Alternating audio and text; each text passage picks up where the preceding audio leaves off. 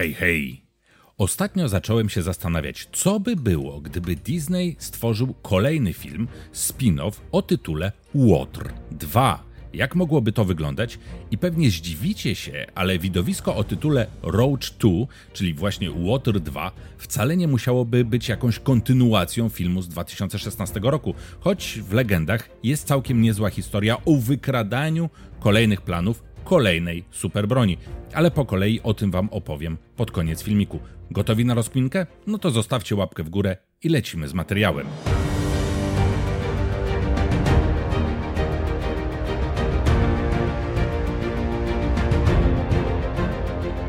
Kiedy mówię o filmie Water 2, to pewnie stukacie się w czoło. No bo jak mógłby pojawić się taki film, skoro najważniejsi bohaterowie pierwszego filmu, czyli no, Cassian Andor i Jyn Erso, zginęli i raczej trudno byłoby opowiedzieć dalszą ich historię. Jest jednak kilka ale. Po pierwsze, może o tym nie wiecie, ale Water 2 to znak wywoławczy jednego z rebeliantów. Mam na myśli Zewa Seneskę, czyli pilota, którego widzieliśmy w Imperium kontratakuje. Tak, to ten, który znalazł Hana i Luka po burzy śnieżnej. W zbiorze opowiadań From a Certain Point of View The Empire Strikes Back, która pojawiła się w 2020 roku i jest kanoniczna, jest historia o tym pilocie. Zatem no, nic nie stoi na przeszkodzie, aby jeszcze bardziej rozbudować opowieść o nim i zrobić na ten temat jakąś opowieść filmową.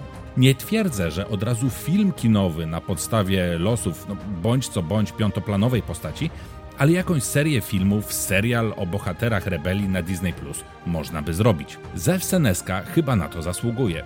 Można by też postać tę wpleść w inną historię, o której za chwilę. Jak już mówiłem, nie bardzo dałoby radę opowiedzieć historię Cassiana i Jyn Erso, bo oni zginęli na Scarif. Choć jak teraz o tym myślę, to niby ciał nie widzieliśmy, więc cuda filmowe już nie takie nagłe zmartwychwstania widziały ale zachowajmy minimum powagi i przyjmijmy, że Jin, Cassiana i reszty załogi Łotra 1 już nie ma. Nie odkryję chyba Ameryki, jeśli powiem, że jeszcze jedno wydarzenie związane z przejmowaniem planów superbroni Imperium zasługuje na opisanie i na swoją historię. Tak, mam na myśli wykradanie planów drugiej Gwiazdy Śmierci, o którym to wydarzeniu w kanonie wiemy tylko tyle, że wielu botan zginęło, abyśmy mogli mieć te dane. To oczywiście fragment z powrotu Jedi i wypowiedź Mon Mothmy. Dlaczego by nowa grupa, która miała za zadanie przejąć plany drugiej Gwiazdy Śmierci, a tak naprawdę wpaść e, i być obiektem manipulacji Palpatina, miałaby nie przyjąć nazwy Water 2 na cześć swoich poprzedników wykradających plany pierwszej stacji bojowej? W legendach temat wykradania planów Gwiazdy Śmierci porusza książka i komiks Cienie Imperium, a paluchy w tym macza sam Shizor, który, jak wiemy, jest kanoniczny, no bo był już w aktualnym kanonie wspomnianym. Cała sytuacja jest zresztą też uzupełniana w innych dziełach, w tym grach. W skrócie, cała sprawa wygląda tak, że Shizor przekazał informacje o ogromnym projekcie budowlanym prowadzonym przez Imperium poprzez swoją osobistą asystentkę, Guri. Botanie próbowali najpierw dowiedzieć się szczegółów tego projektu, przekupując wysokiego rangą oficera imperialnego, aby zlokalizować i skopiować plany z sieci na Coruscant, choć ten plan się nie powiódł. Dowiedzieli się jednak, że szczegóły projektu były przechowywane w ściśle strzeżonych, specjalnych komputerach, z których jeden był w tajemnicy wysłany z Coruscant na planetę Botawi we frachtowcu transportującym nawóz. Kod Melan – lider siatki szpiegowskiej Botan postanowił przekazać tę wiedzę sojuszowi. Luke Skywalker i Dash Rendar wraz z grupą Botan sympatyzujących z sojuszem zaplanowali przechwycenie tego imperialnego frachtowca, który nazywał się Suproza na Botawi i chcieli ukraść ten tajny komputer. Okazało się, że frachtowiec jest dość mocno uzbrojony i sześć myśliwców typu Y z botanami zostało zestrzelonych.